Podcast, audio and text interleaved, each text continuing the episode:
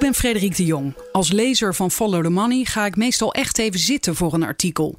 Verhalen waar zo lang aan gewerkt is, kun je bijna niet in vogelvlucht tot je nemen. Het liefste zou ik willen dat de redacteur naast me zat om uitleg te geven. En dat is nu het geval. Welkom bij FTM Audio. I know you're gonna dig this. Ook jouw gemeente krijgt steeds meer taken en dus macht. Lokale journalisten zijn steeds minder in staat om die macht te controleren. Daarom gaat Follow the Money lokaal. Dat staat boven het artikel dat ik zo ga voorlezen. En dat is geschreven door Anna Plezier en Mira Seys. En zij is hier te gast. Hallo Mira. Hallo. Waar gaat je artikel over? Um, het situeert zich in Zeeland en het gaat over een fosforfabriek, Termfos, die nu dicht is, maar nog steeds eigenlijk miljoenen aan uh, belastinggeld kost. Ik ga het voorlezen en dan kom ik zo bij je terug. Oké. De titel is Zeeuwse oestercultuur maakt de sanering Termfos peperduur. Zes jaar na het faillissement van fosforfabriek Termfos zit Zeeland nog steeds met een vervuild terrein in de maag. De sanering daarvan had al klaar kunnen zijn als niet steeds werd gevochten over de vraag wie voor de kosten zou moeten opdraaien. Hierdoor en een reeks bestuurlijke blunders pakt de sanering nog veel duurder uit. In het slechtste geval kost die 170 miljoen euro. Zijn baan was niet bepaald doorsnee. Hij moest een failliete fosforfabriek saneren. Langs de beveiliging, toegangspasjes scannen en dan meteen omkleden. Veiligheidsschoenen met stalen neuzen, een overrol van brandvertragend materiaal, handschoenen en nog een veiligheidsbril en helm. Voordat hij aan de slag ging, eerst een bak koffie met de jongens. Zo begon hij elke werkdag op het terrein van Termvos in het Zeeuwse Vlissingen. Maar op 19 mei 2015 liep het anders. Hij mocht de fabriek niet binnen, er was een lint gespannen. Asbest stond er in grote letters. Vanaf dat moment zagen zijn dagen er anders uit. Hij moest drie keer per dag douchen en een volledig gesloten gezichtsmasker dragen. Ter bescherming moest hij ook een extra overrol aantrekken. Zo'n witte, dunne, afdichtende overrol, die ken je wel van bij de politie als er een moord gepleegd is. Die extra beschermende kleding en dat masker droeg hij niet voor niks. Blootstelling aan asbestvezels kan longkanker veroorzaken. Dat er asbest lag was al lange tijd bekend, maar wij werknemers waren niet op de hoogte gesteld, zegt deze klokkenluider. En er staat een plusje bij, daar klik ik even op. En er staat bij: Wij hebben deze werknemer gesproken en anonimiteit beloofd. Hij vreest voor de gevolgen. Ja, vandaar dat zijn naam er niet bij staat, Mira. Precies. En het was er dus eentje. Eén iemand hebben jullie gesproken. Ja. Oké. En dat maakt hem boos dat werknemers dus niet op de hoogte waren gesteld. Om die reden laat hij nu aan Follow the Money de brief zien waarin zijn werkgever aankondigde dat er asbest was gevonden op het terrein waar hij al maanden aan het werk was. Maar hoe kan het dat er zomaar asbest is gevonden? Had het saneringsbedrijf niet al lang op de hoogte moeten zijn van de stoffen die op het terrein aanwezig waren?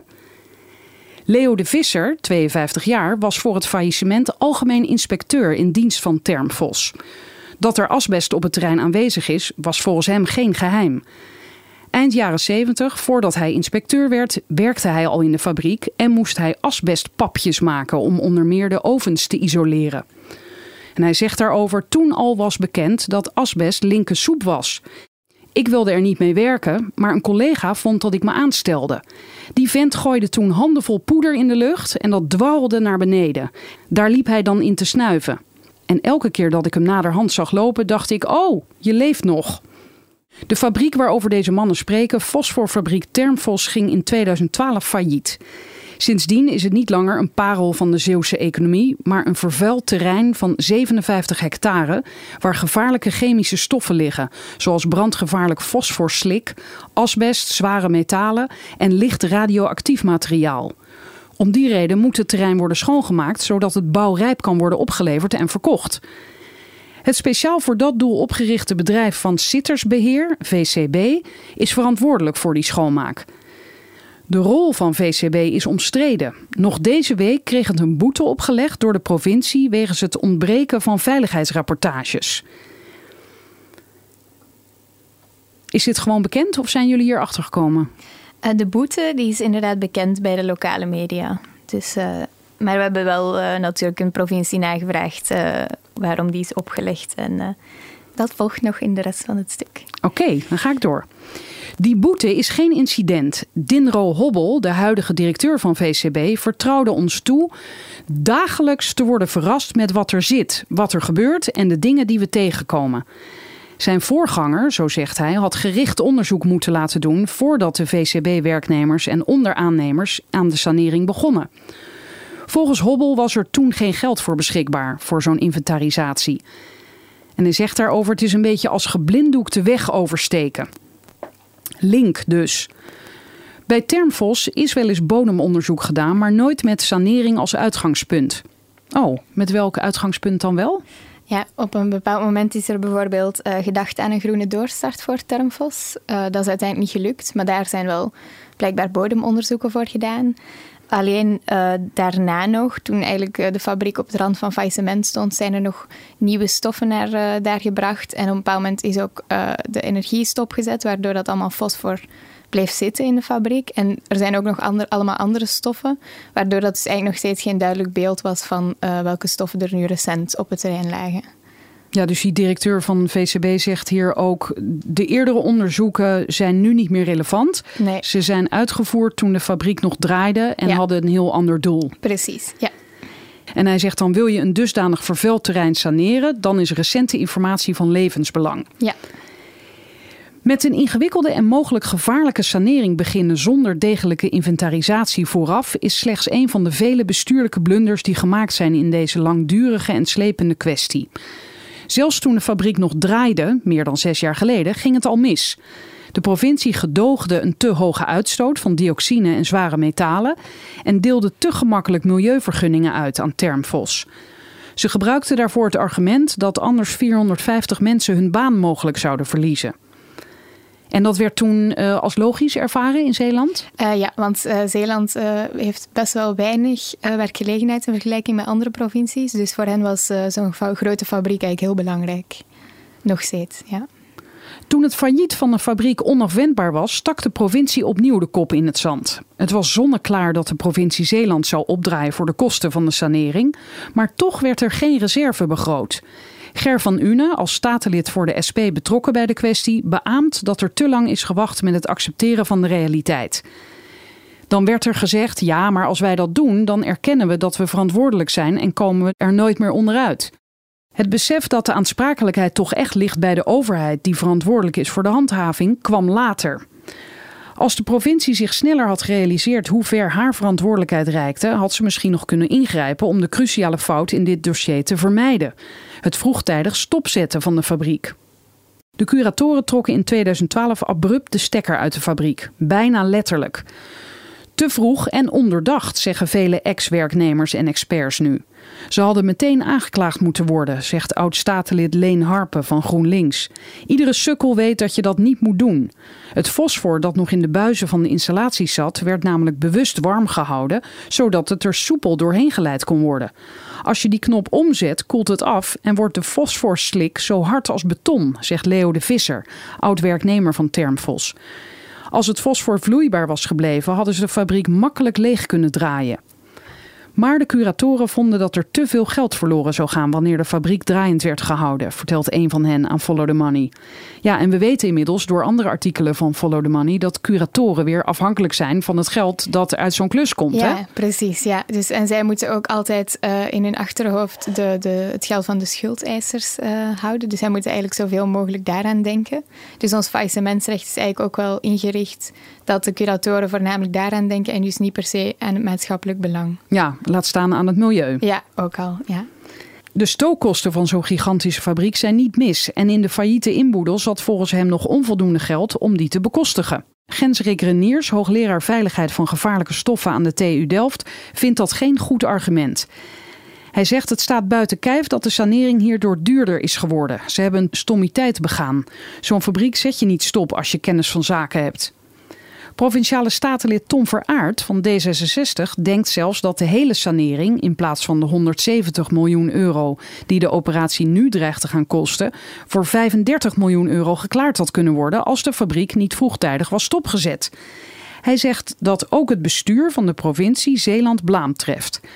De provincie had daar een extra rol in kunnen spelen door te zeggen: wij zorgen voor de liquiditeit, zodat de productie gecontroleerd afgebouwd kan worden.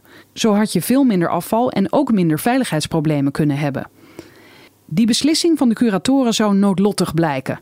Terwijl de sanering nog moest beginnen, lag er vanaf de eerste dag een loodzware hypotheek op Termfos. Hoe zijn jullie eigenlijk bij dit verhaal gekomen? Um, via een anonieme tip eigenlijk. Oh, dat was het, het begin van dit het verhaal? Begin van, ja, het begin van het eerste verhaal eigenlijk. Dus we hebben uh, nu, dit is het tweede verhaal in de Termvosreeks. En uh, op het onderwerp zijn we eigenlijk via een tip gekomen. En uh, dan zijn we het verder gaan uitzoeken en zijn we er ook ingedoken helemaal. En die eerste tip, was dat gewoon een heel kort bericht? Of was dat al meteen een enorm dossier? een kort bericht eigenlijk van ga, eens, ga daar eens naar kijken was het eigenlijk, ja. En toen zijn jullie naar Zeeland gegaan. Ja, precies. Kwamen jullie makkelijk binnen bij de verschillende partijen? Want we hebben al wat namen mm. voorbij horen komen. Um, bij uh, de provincie uh, wel makkelijker. Er waren veel staatsleden die ook... Ze hebben natuurlijk ook de plicht om zeg maar, naar buiten hun beleid te verantwoorden. Bij de bedrijven in kwestie, bijvoorbeeld VCB, eigenlijk een stuk moeilijker. Dus daar hebben we echt wel uh, moeite voor moeten doen, zeg maar. We hebben echt veel mogen bellen. En na heel lang aandringen zijn we eindelijk binnengekomen. Want ze begrepen niet wat jullie wilden onderzoeken? Of, of waarom wilden ze niet eh, praten? nou ja, ik vermoed omdat ze aanvoelden dat het geen heel positief verhaal voor hen zou worden. Dus ja, daarom denk ik. Ja. Oké, ik ga verder.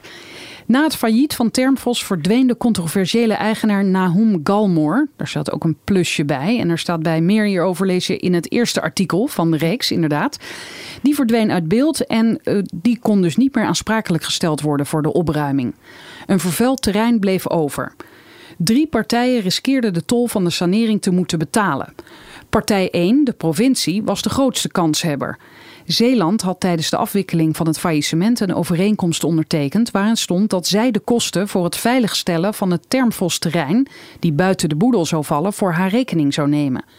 Een provincie is namelijk bij wet verantwoordelijk voor het garanderen van de omgevingsveiligheid. De sanering van Termfos was nodig om het omgevingsrisico weg te nemen en is dus indirect ook de verantwoordelijkheid van de provincie. De tweede partij was Zeeland Seaports, ZSP, het havenbedrijf dat eigenaar is van het terrein en die als enige winst zou kunnen halen uit de schone oplevering. Die winst wordt door ingewijden geschat op 18 miljoen euro. De derde partij was de Rijksoverheid, die eerder al 3 miljoen euro had vrijgemaakt om de provincie te helpen met dit dossier. Zeeland is armlastig en de Rijksoverheid is eigenlijk de enige instantie op wie zij een beroep kon doen om haar uit de brand te helpen. Geen van drieën waren ze genegen om tientallen miljoenen voor de sanering neer te leggen. Al snel na de afwikkeling van het faillissement kregen ze conflicten over een oer-Hollandse vraag: wie betaalt de rekening? Zelfs Zeeland Seaports en haar aandeelhouder provincie Zeeland raakten in onderling conflict verstrikt. Oh, dat maakt het extra ingewikkeld. Dus stel dat Zeeland Seaports het had moeten betalen, dan was die aandeelhouder daar ook door geraakt, namelijk de provincie. De provincie. Dus de provincie oh. was in uh, bijna alle gevallen ja, de klots eigenlijk. Ja. ja.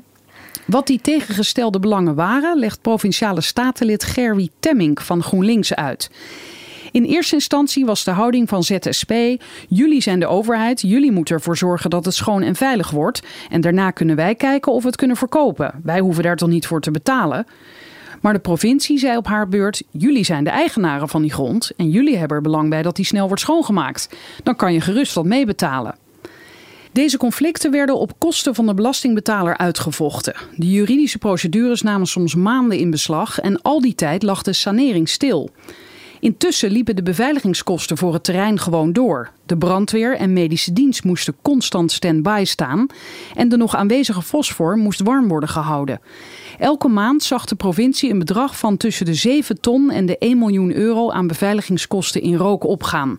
Letterlijk dus, want die fabriek werd kennelijk draaiender gehouden. Ja, ja precies. Dus, dus er was uh, ook nog uitstoot. Ja. ja. ja. Het conflict werd pas beslecht nadat oud-PVDA-voorzitter Diederik Samson in 2017 door het Rijk was gevraagd om een oplossing voor de impasse te zoeken. De commissie Samsom had als opdracht te bemiddelen tussen de verschillende partijen en adviezen uit te brengen over de sanering van Termfos. In het slechtste geval, zo was intussen berekend, zou de sanering 170 miljoen euro kosten, waarvan nog 83 miljoen niet was begroot. De commissie Samsom stelde in het rapport Saneren doe je samen. Dat is nu wel een ironische titel. Ja, precies. Ja. Uiteindelijk voor deze 83 miljoen euro gelijkelijk te laten betalen door de drie strijdende partijen. In het rapport uitte Samsom scherpe kritiek op de betrokkenen. Het conflict over de verantwoordelijkheid heeft een verlammende werking op de uitvoering van de sanering, schrijft hij in het hoofdstuk Juridisering van verhoudingen leidt tot padstelling. Zolang niet duidelijk is wie voor welk deel van de werkzaamheden verantwoordelijk is en betaalt, kan veel werk niet gedaan worden en wordt onnodig vertraging opgelopen. In maart dit jaar hebben de drie partijen hun handtekening gezet onder het akkoord over de financiering van Termfos. Hierin zijn de financiële afspraken vastgelegd, zoals voorgesteld door de commissie Samsom. Als er zich toch nog tegenvallers voordoen, zullen de kosten daarvan worden gedeeld door de drie betrokken partijen. Nou, dus dat is mooi dat uh, Samsung uh, even langskwam. Ja. Dus tenminste iets eh, voor elkaar gebokst. Ja, precies. Het is eigenlijk wel grappig, want ze noemen hem ook allemaal als een soort held. Oh. Ook vooral vanuit de provincie Zeeland, omdat hij eigenlijk er door zijn connecties in is geslaagd om ook het Rijk betrokken te krijgen. Okay. Dat het Rijk eigenlijk eerst zijn vingers er nogal van afhield. Dus ja. Ja, omdat ze eerder al wel die 3 miljoen hadden gereserveerd. Ja. Ja, dat dan weer wel. Maar daarna was het zeg maar, we willen er niet veel mee te maken hebben. En uh, door Samsung zijn ze er eigenlijk ingestapt. En um, ja, zegt iedereen ook, ja, ondanks politieke overtuigingen zijn we allemaal wel blij dat uh, hij is langsgekomen. Oké, okay. dus dat was even een lichtpuntje in ja. deze kwestie. Ja. ja.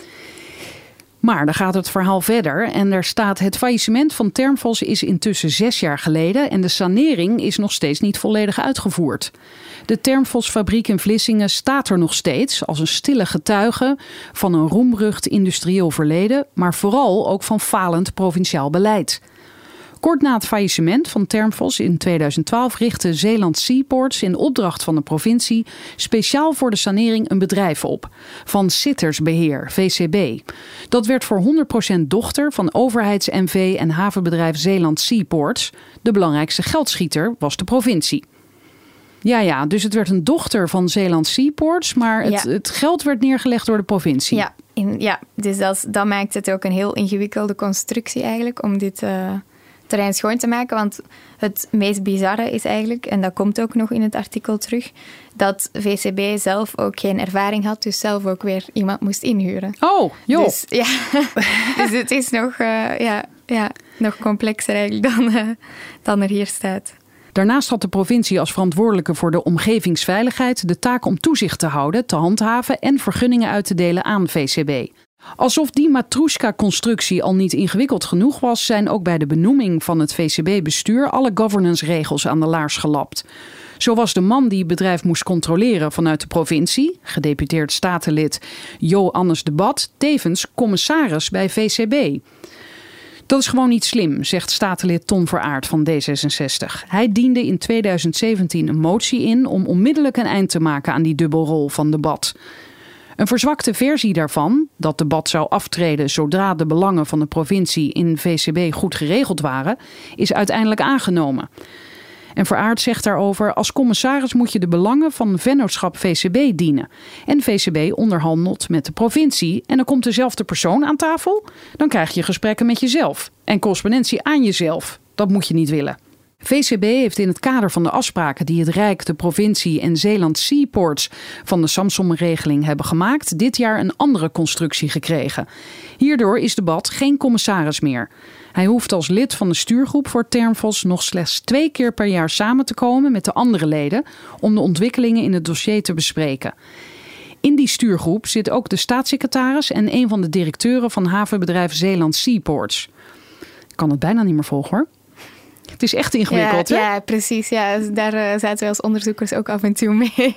Maar hebben ze Maar, daar zo uh, weinig mensen dan? Dat mensen allemaal dubbelrollen moeten vervullen? Nee, um, het, gaat er, ja, het, het, probleem was eigenlijk dat ze vanaf het begin, toen uh, VCB werd opgericht, moest de provincie één commissaris aanwijzen. En zij hebben gedacht van, oh, het is slim om iemand uit ons midden er neer te zetten. Maar daardoor had ze dus die dubbele functie. Ze hadden ook gewoon iemand anders die geen gedeputeerde was, dus niet moest controleren, er neer kunnen zetten. En zo staat het ook in de statuten. Er staat niet gespecificeerd dat iemand uit hun midden moest zijn. Dus dat is hoe dat ze het toen hebben besloten. Maar uiteindelijk denk ik achteraf gezien dat dat, dat echt geen goede beslissing nee. was. De dubbelrol die hij voorheen speelde blijft hem achtervolgen. Zo blijkt uit een gesprek dat we met debat voeren in het provinciehuis van Middelburg. Ik ga even goed mijn pet in de gaten houden, zegt hij wanneer we hem een vraag stellen over een boete die de provincie recent aan VCB heeft opgelegd. Is dat die boete die aan het begin van het verhaal ook voorkwam? Ja, en die komt uh, later ook nog eens terug. Oké. Ja.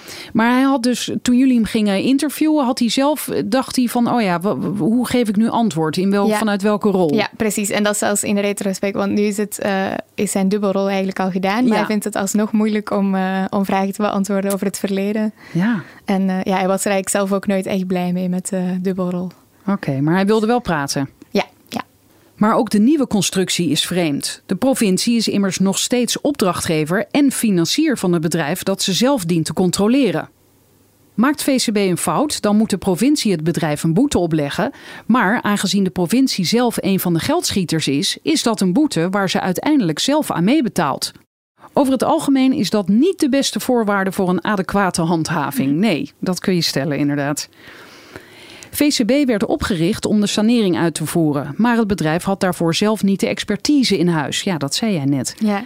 Het huurde de aannemerscombinatie Decontamination Services in, een keuze die door de curatoren was gemaakt. Die hebben dus geadviseerd van wij kennen wel iemand die wel weet hoe het moet. Zij hebben ja, een aantal bedrijven aangeschreven en uiteindelijk eh, is de combinatie Decontamination Services, con- eh, een combinatie van twee, eh, twee bedrijven, is daaruit gekomen. Ja. Ja, want jullie schrijven hier het is een joint venture Ja, van de joint, bedrijven ja. Sago en Maurik. Ja. En werd speciaal voor de sanering in het leven geroepen, net als zijn opdrachtgever VCB. De samenwerking tussen VCB en deze aannemerscombinatie verliep echter van meet af aan moeizaam. Oh, ook dat nog. Ook dat nog, ja. Decontamination Services sprak met VCB af om in 2016 het eerste deel van de sanering, het fosfor vrijmaken van het terrein, af te hebben. Mocht dat niet op tijd lukken, dan zou Decontamination Services de kosten voor het materiaal en de inzet op zich nemen. Dat 2016 niet gehaald werd, is intussen duidelijk. Slechts een derde van het fosforslik is verwerkt. Toch heeft het aannemersbedrijf die meerkosten niet betaald. De commissie Samson meldt daarover dat de aannemer door VCB niet werd aangesproken op zijn verplichtingen. De contractuele afspraken en vooral de voortgangsbewaking vanuit VCB zijn daarvoor blijkbaar niet stevig genoeg geweest. En waarom kwam dat dan? Want ik neem aan dat dit gewoon zwart op wit stond. Ja, ze hadden die afspraak inderdaad zwart op wit gemaakt. Maar eh, ja, VCB is dus duidelijk niet, eh, heeft niet sterk genoeg in schoenen gestaan om, eh, om daar echt achteraan te gaan. En om inderdaad dat geld dan op te eisen. Die waren bang voor die aannemers of zo? Ik vermoed dat ze ook bang waren voor meer juridisch gesteggel nog. Omdat het al zo lang heeft geduurd. En, Ja. en al zo complex was. Dus ik vermoed dat het daaraan ligt. Maar eigenlijk ja, hadden ze dat gewoon moeten doen. Oké, en dan gaat het artikel verder en dan staat er... er was ook onderlinge vrevel tussen beide aannemers van het joint Ja. venture. nou ja zeg. Provinciale statenlid Gerry Temming van GroenLinks herinnert zich dat beide partijen zich zorgen maakten over de deadline. De ene partij wilde het fosfor verwijderen volgens een veilige methode, stapje voor stapje. De ander wilde sneller te werk gaan en daardoor iets minder zuiver. Uiteindelijk kwam er onderling zoveel gesteggel dat een van beide partijen is opgestapt. Oh, dus het is ook geen joint venture meer. Nee, nee. Maurik ging daarop alleen verder met de sanering.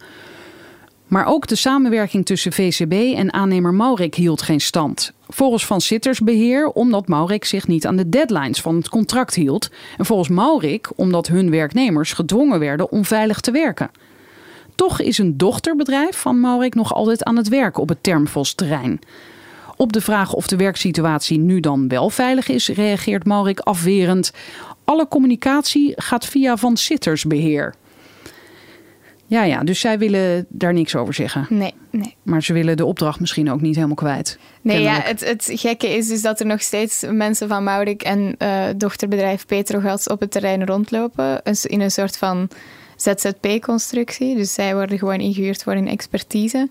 En eh, terwijl Maurik daar eigenlijk is weggegaan om, met de, de boodschap van wij werken hier niet veilig genoeg. Dus dan is het wel gek dat er nog steeds toch mensen rondlopen. Dus dat Ja, was, ja, maar dat eh, klinkt zo van onze eigen werknemers laten we daar niet werken. Want het is niet veilig genoeg, maar wij huren wel wat freelancers in. Nee, want hun, hun werknemers worden nu dus ingehuurd door VCB als Oh, freelancer. Dus hun Ja, ja. werknemers lopen er eigenlijk nog steeds rond. Dus daarom vind ik eh, de verklaring van dat het niet veilig genoeg was ook een beetje ongeloofwaardig overkomen. Ja.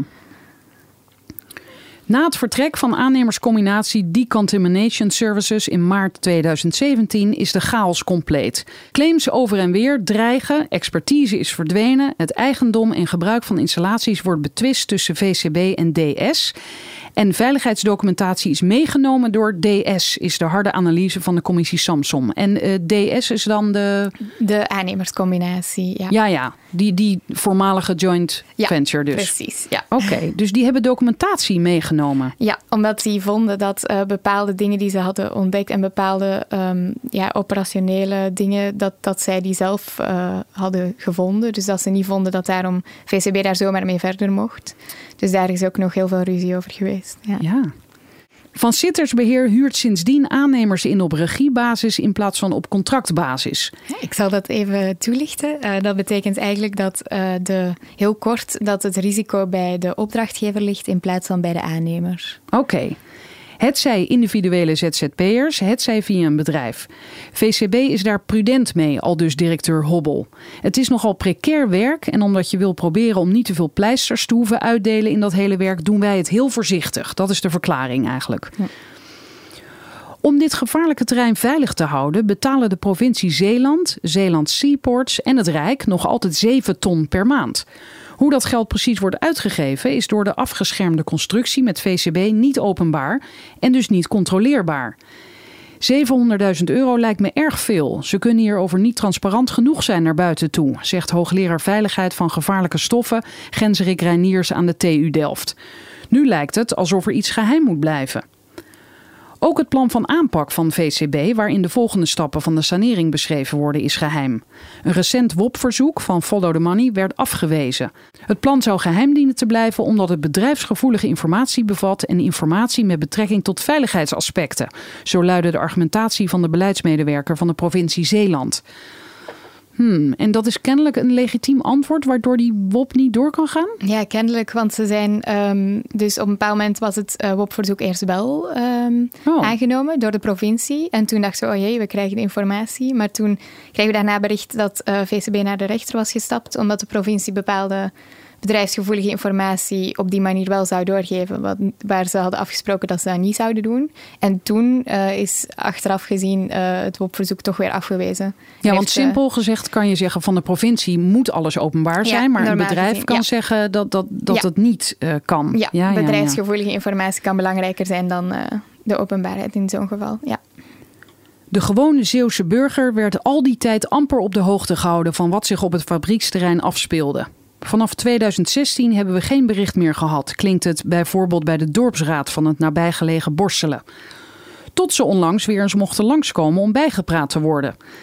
Dat is wel jammer. Het is toch belangrijk voor ons dat je goed geïnformeerd wordt. Zeker op het moment dat je uit de media hoort dat er allemaal knelpunten zitten op kritische zaken hier spreekt de gewone Zeeuwse burger. Ja, precies. Ja, eigenlijk is hij daarvan de stem wel een beetje. Ja. Maar hij staat hier wel tussen aanhalingstekens. Dus is dit die geheime bron? Nee, nee, nee, nee, nee. nee hij is um, van, de, van de dorpsraad van Borselen. En dat was eigenlijk de algemene mening van de dorpsraad van Borselen, zeg maar. En van ook andere mensen die we hebben gesproken. Maar we hebben hem nu als voorbeeld genomen. Dat er eigenlijk veel te weinig, lange tijd veel te weinig informatie aan de burgerrecht was uh, toegespeeld. Oké.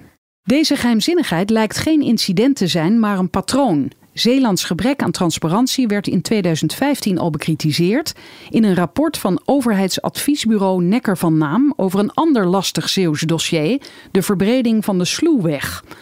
Een gezamenlijke spelregel van provinciale staten en gedeputeerde staten over de omgang met geheime informatie ontbreekt, zo staat daar. Volgens dit rapport hanteren deze twee organen van de provincie elk andere maatstaven wat betreft geheimhouding.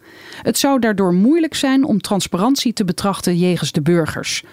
Daarbij zou de provincie sommige rapporten in hun geheel geheim houden, terwijl delen daarvan wel openbaar zouden moeten zijn.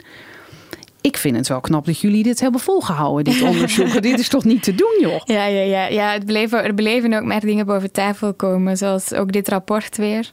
Waarin dan bleek uh, dat er inderdaad best wel met geheimhouding uh, best wel dingen mis waren. En dat daarom beschrijven we ook een, een, opstapeling van verschillende fouten, omdat het ook echt zo voelde dat er steeds weer dingen bij kwamen, eigenlijk elke keer. Hoe lang zijn jullie hiermee bezig geweest? Um, ja, we, we zijn daarmee begonnen voor onze opleiding, enkele maanden toch wel zeker. Ja, ja. Die heb je wel nodig inderdaad. Zeker als je steeds ja. weer nieuwe dingen ontdekt. ja, ook om er helemaal eh, tot diepste in te duiken. Ja, ja.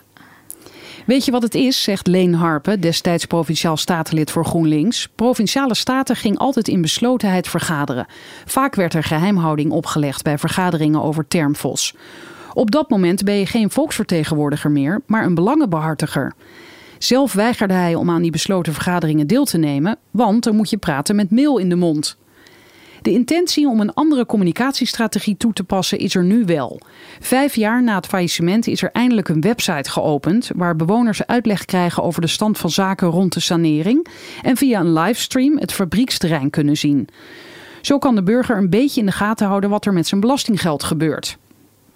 En wat is er te zien op die livestream? Ehm, het is eigenlijk heel grappig, eigenlijk niet heel veel. Je ziet gewoon het terrein van een redelijke afstand. Dus je kunt bijvoorbeeld geen, bijna geen mensen zien bewegen of zo, maar wel... ehm, ja, af en toe zie je dan rook uit de schoorsteen komen. Dus ik kijk af en toe wel eens voor de grap, maar... eh, Van draait die fabriek nog? Ja, ja, ja, dus dat is eigenlijk... En waarschijnlijk ook vanaf dat er gebouwen worden afgebroken, hele gebouwen die wegvallen, dat zal ook wel te zien zijn. Maar de specifieke werkzaamheden kan je niet zien.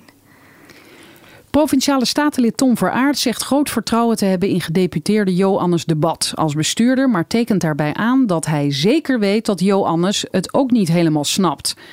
Daardoor krijgt Veraard naar eigen zeggen onvoldoende informatie om zijn taak als controleur goed uit te voeren. Het is een ingewikkeld procedé. Er zitten lange periodes alleen maar mensen op het dossier die het half of driekwart snappen en dat is niet genoeg. Want zij zijn de mensen die mij moeten informeren. Dat kan niet als ze zelf niet eens goed op de hoogte zijn. Statenlid Gerwie Temmink erkent dat ook Provinciale Staten fouten heeft gemaakt. Op momenten dat het er in het Termfos-dossier omspande, hebben de democratisch gekozen provinciale volksvertegenwoordigers zitten slapen. Wij hebben als Provinciale Staten misschien te goedgelovig en naïef gedacht: met een paar jaar is het wel opgeruimd. Het is de afgelopen jaren helaas noodzakelijk gebleken dat je er echt bovenop moet zitten, dus die naïviteit is er helemaal uit. En hoezeer gedeputeerde staten en VCB of wie ook zijn best doet, we willen nu daadwerkelijk resultaten zien. Ook de Rekenkamer Zeeland heeft tot nu toe geen onderzoek gedaan naar Termfos, toch een van de belangrijkste en duurste dossiers in Zeeland. Op de vraag naar de reden daarvan antwoordt de voorzitter van de Rekenkamer met een standaard lijstje van criteria en randvoorwaarden om een dossier wel of niet te onderzoeken. Wanneer Follow the Money hem echter naar de specifieke redenering voor Termfos vraagt, wil hij daar niet op ingaan.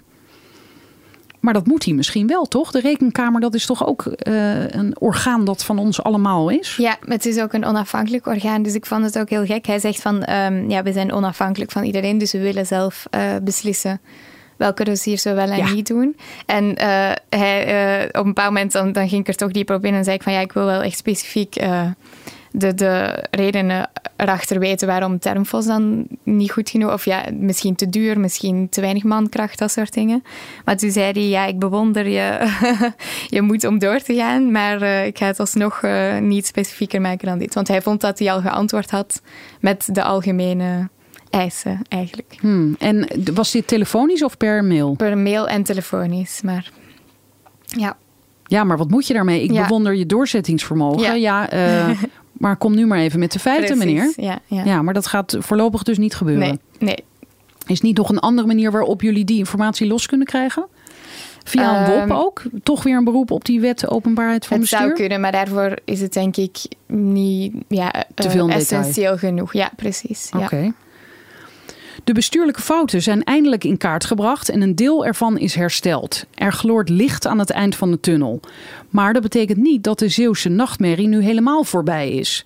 Een recent onderzoeksrapport van de Inspectie Leefmilieu en Transport van maart dit jaar concludeert dat strenge controle op de provincie in dit dossier vereist is. Provincie Zeeland heeft milieutaken Termfos niet volgens regels uitgevoerd, kopt het rapport. Zeeland zou hebben toegestaan dat VCB haar veiligheidsrapport niet actualiseerde. En dat is niet mis, gezien de explosieve cocktail van fosfor, asbest en licht radioactief materiaal die op het terrein en in de stilgezette installaties liggen. De zwakke handhaving door de provincie heeft volgens de inspectie rechtstreeks geleid tot een reeks overtredingen door VCB. Maar de provincie zegt in een officiële reactie de risico's wel goed in beeld te hebben en is verontwaardigd over dit rapport. Vrijdag 25 mei stonden de conclusies van dit rapport op de agenda van de vergadering Commissie Bestuur in Zeeland.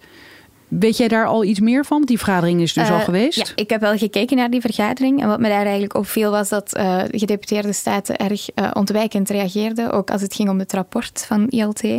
Ze zeiden voornamelijk van... eh, ja, we hebben de risico's wel goed in beeld. En het, er wordt een verkeerd beeld van ons geschept. Eigenlijk een beetje dezelfde reactie die ze al hadden gegeven in een brief. eh, in een openbare brief die ze... En, en naar aanleiding van dit rapport hebben we geschreven. Dus wat ook door sommige eh, provinciale statenleden als kritiek werd gegeven was van ja, jullie schuiven het een beetje van jullie af. En dat idee kreeg ik na die vergadering ook wel. Ook de boetes van 25.000 en 10.000 euro die onlangs en in februari door de provincie aan Van Sittersbeheer zijn opgelegd, getuigen niet zozeer van krachtdadig optreden, als wel van bestuurlijk falen. De eerste boete werd opgelegd omdat VCB al die jaren, onder toeziend oog van commissaris CQ provinciaal bestuurder Debat, geen complete risicoclassificatie had opgeleverd.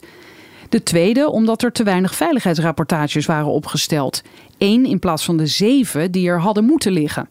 Of er sinds de nieuwe afspraken tussen de provincie, het Rijk en Zeeland Seaports verbetering op komst is, zal moeten blijken. Einde artikel. Ja, zal moeten blijken. Dat klinkt nog enigszins hoopvol. Enigszins, ja. Ik denk dat het goed is om daar een nuance eh, bij aan te brengen. Ja, want hoe, hoe gaat dit verder? hè? Want, want Ja. we hebben het nu vooral eh, gehad over al die ingewikkelde constructies en Ja. alle betrokken partijen. Maar je zou bijna vergeten dat het dus gaat om hartstikke vervuilde grond waar Ja. we vanaf moeten. Ja, ja zeker. Ja, dat, dat is ook het probleem eigenlijk van al die jaren met juridisch gesteggel en zo waar het in dit artikel ook over gaat. Is dat het gewoon concreet eh, resultaat heeft op de belasting ook in Zeeland. Want eh, intussen eh, hebben een aantal provincies, en daar gaan we waarschijnlijk ook dieper op in op een volgend artikel dat in deze reeks nog volgt. We hebben een aantal provincies ook al gezegd van ja, eh, we zien dat Zeeland zo weinig geld heeft en eh, er was misschien nog ergens een fout gemaakt in de verdeling van provinciefondsen. Laten we hier even bijdragen vanuit eh, dat provinciefonds en vanuit al die verschillende provincies om Zeeland een beetje te ondersteunen hierin. Want we zien gewoon dat Zeeland echt ehm, bijna geen reserves meer over heeft door dit dossier. En wie zegt dat dit een oplossing zou kunnen zijn? Eh, nou ja, op, op dit moment is het dus al zo dat de provincies eh, hebben afgesproken onderling dat alle provincies gaan bijdragen. oh, dat is wel goed. Ja, ja, maar dat komt dus ook omdat er blijkbaar ooit een fout was gemaakt in de verdeling en dat die nu dan op die manier wordt rechtgezet. Maar ja, andere provincies zouden dat geld zeg maar niet missen, maar bij Zeeland is het op dit moment echt eh, cruciaal eigenlijk. Ja. Ja, want het idee is dat als die eh, bodem eindelijk gesaneerd is, dat daar weer iets anders kan Ja. gebeuren. Wat moet daar dan eh, plaats gaan vinden? Ja, er gaan dus waarschijnlijk nieuwe industriële activiteiten plaatsvinden. Dus eh, ja, eigenlijk een beetje niet, niet opnieuw een fosforfabriek, maar ja, gewoon een ander havenbedrijf. dat daar dan, ja, ze weten volgens mij nog niet wie precies, nog niet aan wie het verkocht zal worden, maar al sinds vanaf dat die grond terug schoon is, is het weer een aantrekkelijk terrein voor de industrie. Jullie gaan dus nog een derde artikel maken. Ja. Is het nu wel moeilijker geworden om mensen te bereiken, omdat ze weten wat jullie met de informatie doen of niet? Het valt zeker heel goed mee, heb ik gemerkt. En eh, het is ook heel fijn dat mensen soms zelf eh, ook eh, met dingen komen. En dat is nu waar we nu ook mee bezig zijn, want we zijn dus nog bezig met het artikel. En we horen graag ook nog tips van andere mensen. En we hebben ook enkele tips al binnengekregen, maar die moeten we nog hard zien te maken. En dat blijft in dit dossier wel moeilijk, omdat er toch zoveel spelers en kanten aan zitten. En wat, wat zijn dan nog losse eindjes die jullie graag zouden willen oplossen? Ehm, nou ja, bijvoorbeeld hoe het nu precies zit met het terrein. Ehm zijn mensen die hebben gezegd dat het nu nog steeds niet goed gaat. Eh, daar zijn we heel benieuwd naar, naar hoe het nu gaat. En eh, daar eh, gaan we ook nog gaan we ook blijven volgen, zeg maar. We gaan dit dossier ook zeker in de gaten houden, want het is nog niet gedaan, denk ik, met Termfos. En ja, ik hoop voor Zeeland al sinds dat het nu wel de betere weg op gaat. Maar dan moeten we nog maar bekijken. Dankjewel. Graag gedaan. Tot zover FTM Audio. Ga voor meer geschreven verhalen naar ftm.nl. Ik meld me snel weer met een audioartikel. Dag!